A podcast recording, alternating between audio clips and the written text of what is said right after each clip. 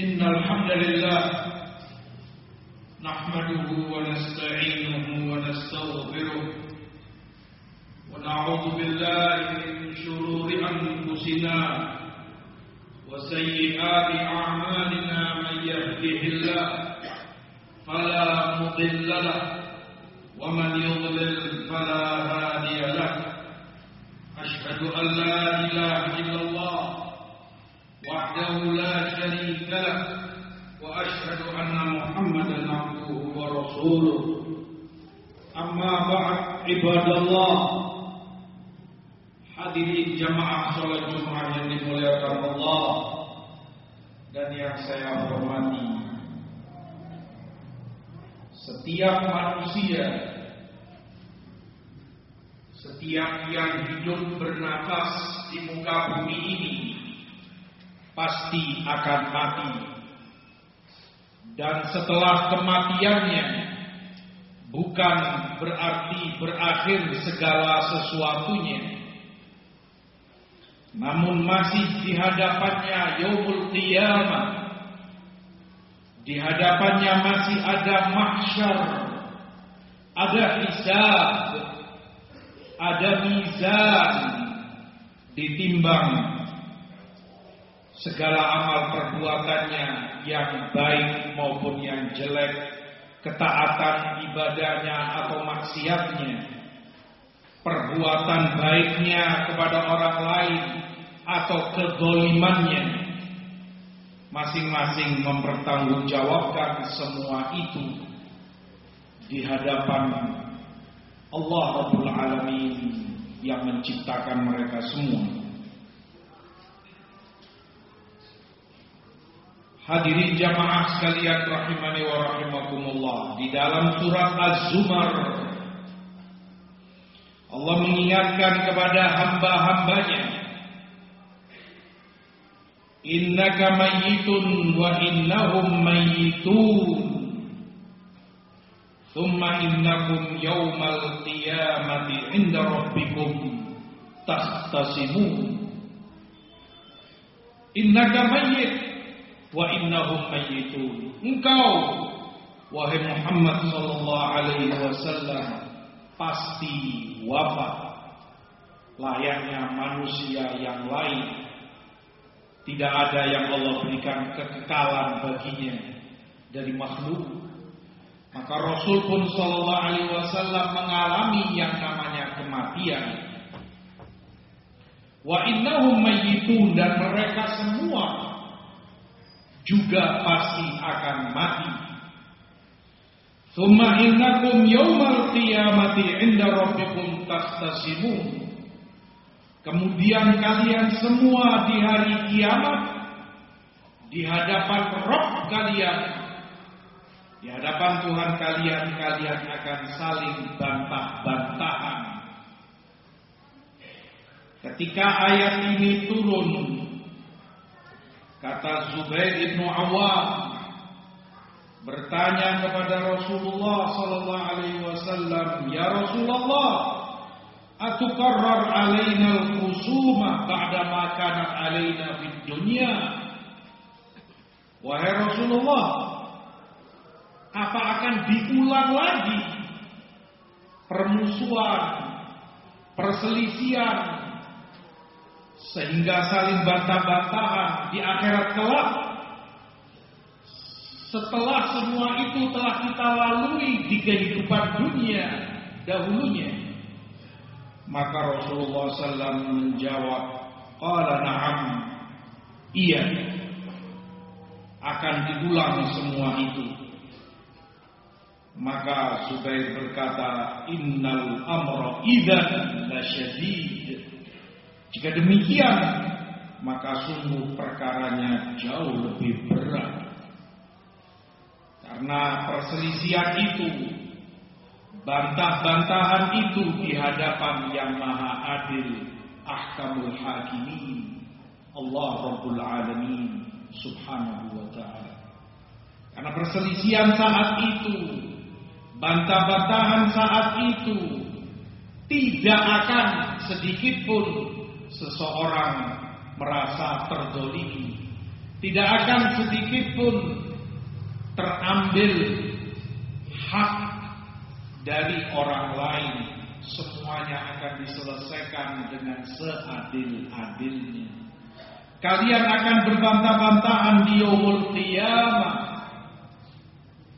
Siapa yang benar, siapa yang salah, siapa yang zalim, siapa pula yang dia zalimi, terdolimi.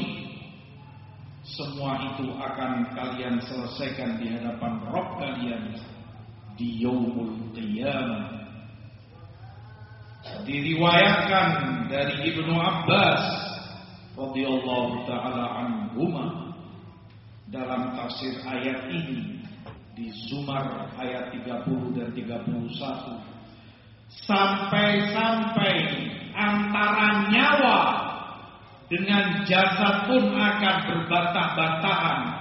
Satu orang masing-masing orang antara rohnya dengan jasadnya saling bantah-bantahan. Rohnya akan berkata kepada jasadnya, kamu yang berbuat ini, kamu yang berbuat itu. Maksiat ini engkau lakukan, maksiat itu engkau perbuat. Jasadnya pun membantah berkata kepada rohnya, kamu yang berniat, kamu yang memang merencanakan, kamu yang begini dan kamu yang begitu. Jika itu pada setiap orang pada dirinya sendiri antara nyawa dan jasadnya terlebih-lebih itu kepada orang lain. Di Musnad Imam Ahmad Rasulullah sallallahu alaihi wasallam dari hadis Uqbah bin Amir beliau bersabda awalul qasmain yaumal qiyamah al-jaron dua orang yang akan saling bantah-bantahan saling menuntut haknya dan saling mempertanggungjawabkan di hadapan Allah pertama yang diselesaikan di hari kiamat di hadapan Allah adalah tetangga dengan tetangganya. Mungkin dulunya terdolimi Mungkin dulunya haknya belum terselesaikan Mungkin masih meninggalkan kekesalan, kejengkelan, sakit hati karena ulah sikap, ucapan, perbuatan tetangganya. Itu yang pertama diselesaikan di qiyamah karena hak tetangga sangat besar. Rasulullah Sallallahu Alaihi Wasallam menyebutkan, Mazala Jibril yusini bil jar hatta dhanantu annahu sayuwarrithu. Terus Jibril mewasiatkan kepadaku tentang tetangga. Diingatkan terus Rasulullah oleh Jibril, tetanggamu, tetanggamu Baik-baiklah kepada tetanggamu, jangan kamu zalimi tetanggamu. Karena seringnya Rasul katakan sampai-sampai aku mengira mungkin tetangga ini akan dijadikan salah satu dari ahli waris. Karena sangat ditekankan hak tetangga.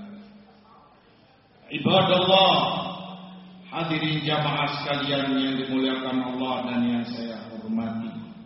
Demikianlah keadilan Allah karena memang di akhirat hari terakhir yang ada adalah surga dan neraka.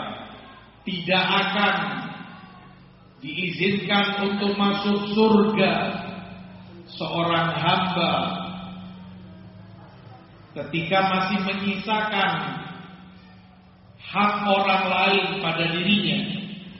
Tidak akan seorang hamba mendapat kenikmatan surga masuk di dalamnya dengan segala kenikmatan yang Allah janjikan untuknya.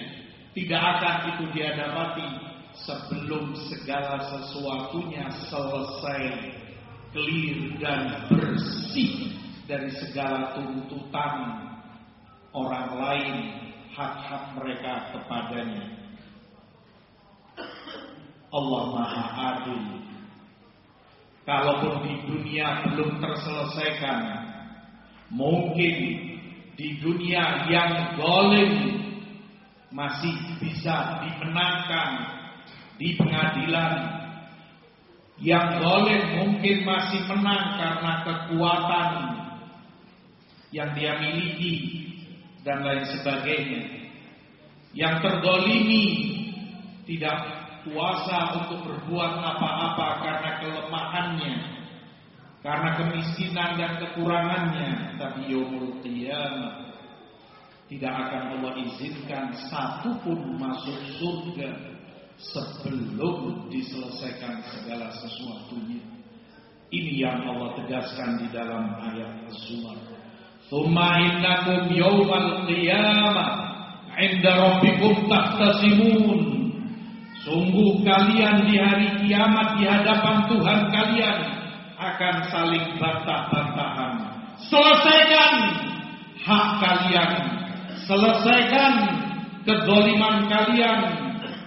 Mumpung kemampuan dan waktu masih Allah berikan kepada kita.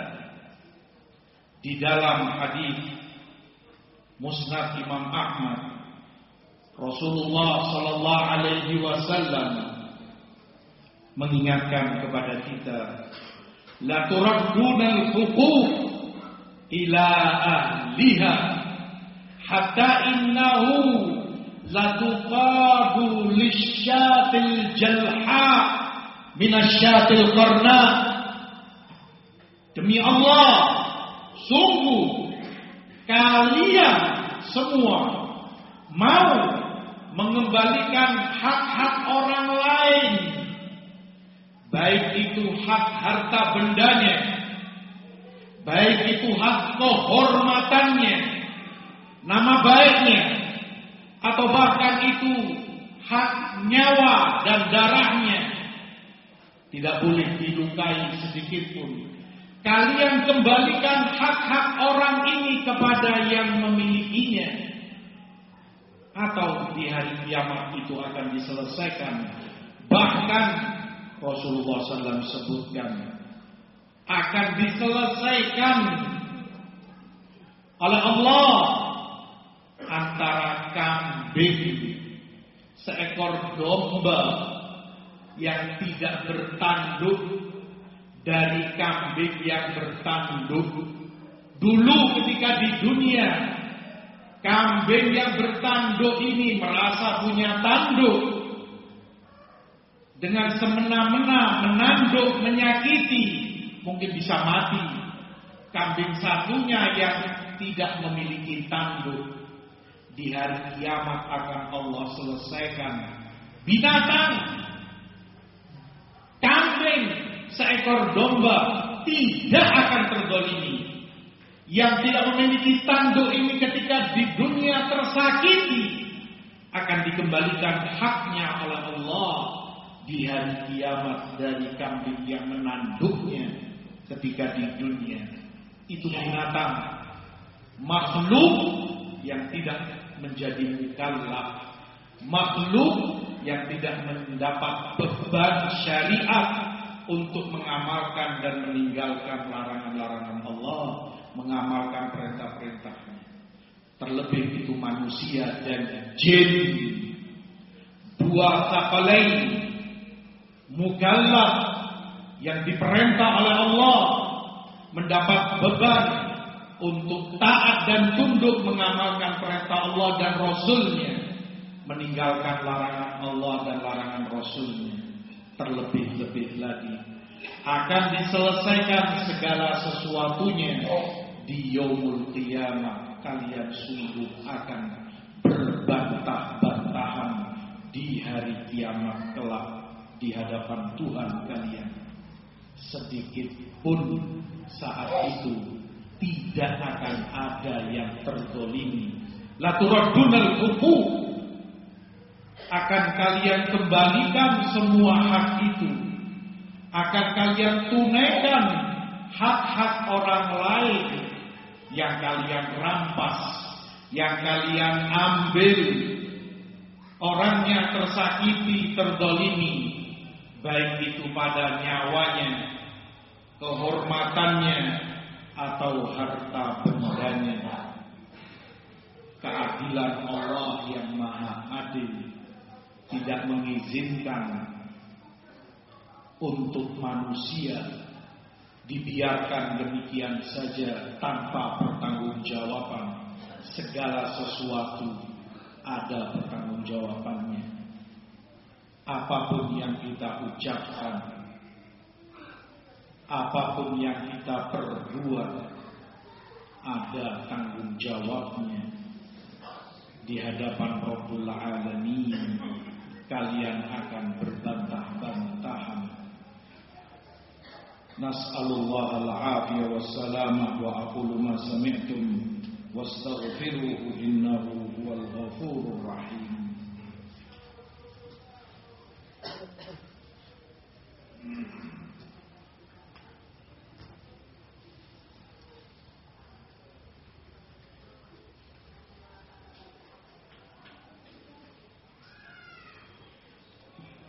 الحمد لله الحمد لله حمدا كما ينبغي لجلال وجهه ولعظيم سلطانه. والصلاة والسلام على رسول الله وعلى آله وصحبه ومن والاه. أما بعد عباد الله hadirin jamaah sekalian rahimani wa rahimakumullah oleh karena yang telah tersebutkan dalam khutbah pertama tadi. Hukuk bani Adam mabniya 'ala al-musyah hak bani Adam hak manusia didirikan di atas musyah tidak ada yang mau mundur tidak ada yang mau mengalah. Karena itu haknya memang pantas untuk dia perjuangkan, patut untuk dia dapat kembali memiliki yang menjadi haknya. Oleh karena itu sulit dan berat perkara hak Bani Adam. Allah Maha Pengampun. Allah Maha Penyayang. Hak-hak Allah kalau itu dilanggar oleh seorang hamba masih berpeluang besar seorang hamba. Tuhan yang maha pengampun mengampuni dosanya. Jika dia benar-benar bertobat kepadanya banyak-banyak beristighfar kepadanya. Tapi manusia tidak semudah itu. Kita menyelesaikan urusan dengan orang lain. Tidak segampang itu kita meminta maaf tidak secepat itu orang memaafkan kita. Dan perkaranya adalah buntutnya di hari kiamat kelak.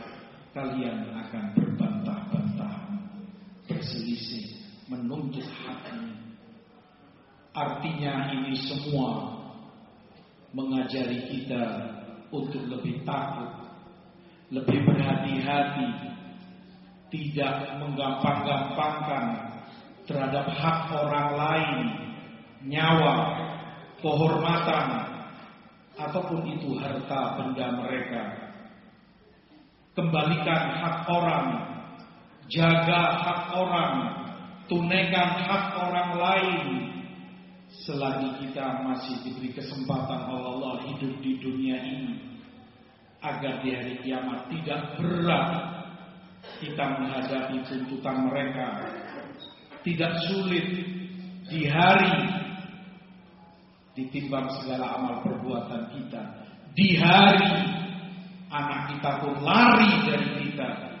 Di hari orang tua kita pun lari dari kita. Di hari saudara kita pun lari dari kita. Masing-masing sibuk ingin menyelamatkan dirinya sendiri. Yang bersama kita amal perbuatan kita yang bersama kita terus menemani kita apa yang telah kita perbuat di dunia baik atau itu jelek. Naudzubillah. Thumma innakum yawmal qiyamati 'inda rabbikum tahtasimun sungguh di hari kiamat di hadapan Tuhan kalian kalian akan saling bantah-bantahan. Rasulullah sallallahu alaihi wasallam meriwayatkan dari Allah dalam hadis qudsi. Allah berkata ya ibadi inni haramtu dzulma ala nafsi wa ja'altuhu fima bainakum muharrama fala tadhalamu wahai hamba-hambaku aku haramkan kedoliman atas diriku maka Allah tidak akan mendolimi siapa pun sedikit pun dan aku jadikan kedoliman itu haram di antara kalian. Maka jangan kalian saling mendolimi jangan kalian saling mendolimi mengambil hak orang lain. Tidak kalian tunaikan, tidak kalian kembalikan hak orang lain. Jangan kalian lakukan kedoliman itu. Rasulullah pun mengingatkan, "Wattaqi da'watal madlum fa innaha laisa bainaha wa bainallahi hijab." Nasihat Rasul kepada Mu'ad. Takuti oleh wahai Mu'ad.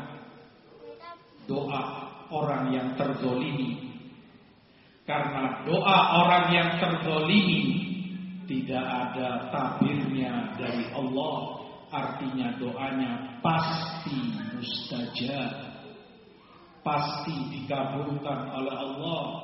Orang yang dalam keadaan terzolimi. Saat itu dia merasa lemah. Saat itu dia merasa kecil. Saat itu dia merasa tertindas sakit hati, kesal dan sangat jengkel terdolimi tapi tidak berdaya apa-apa. Satu-satunya yang dia mengadu kepadanya adalah Allah. Maka doanya terkabul. Hati-hati. Rasul ingatkan takuti olehmu. Agar kemudian doa orang yang kamu golimi tidak menimpamu. Kalau itu doa kejelekan, dia berdoa memohon kepada Allah agar menimpa kepada yang mendoliminya kecelakaan, musibah, kejelekan, kesengsaraan, entah kejelekan apa lagi, pasti akan mengenai dirimu.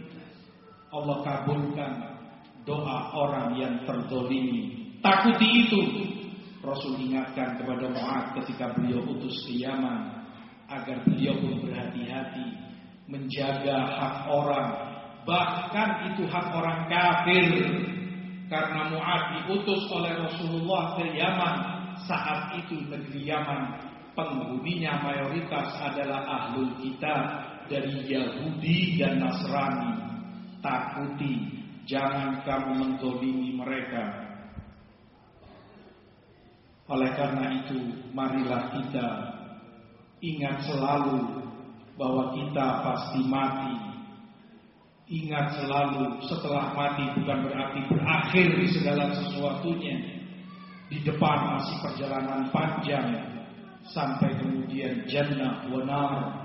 Mudah-mudahan Allah memberikan taufik dan hidayah kepada kita untuk taat ibadah kepadanya dan mengembalikan segala hak orang yang mungkin pernah kita zalimi.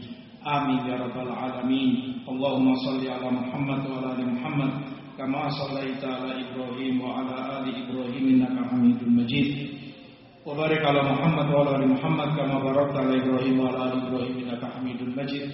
Rabbana atina fid dunya hasanah wa fil akhirati hasanah wa qina adzaban nar.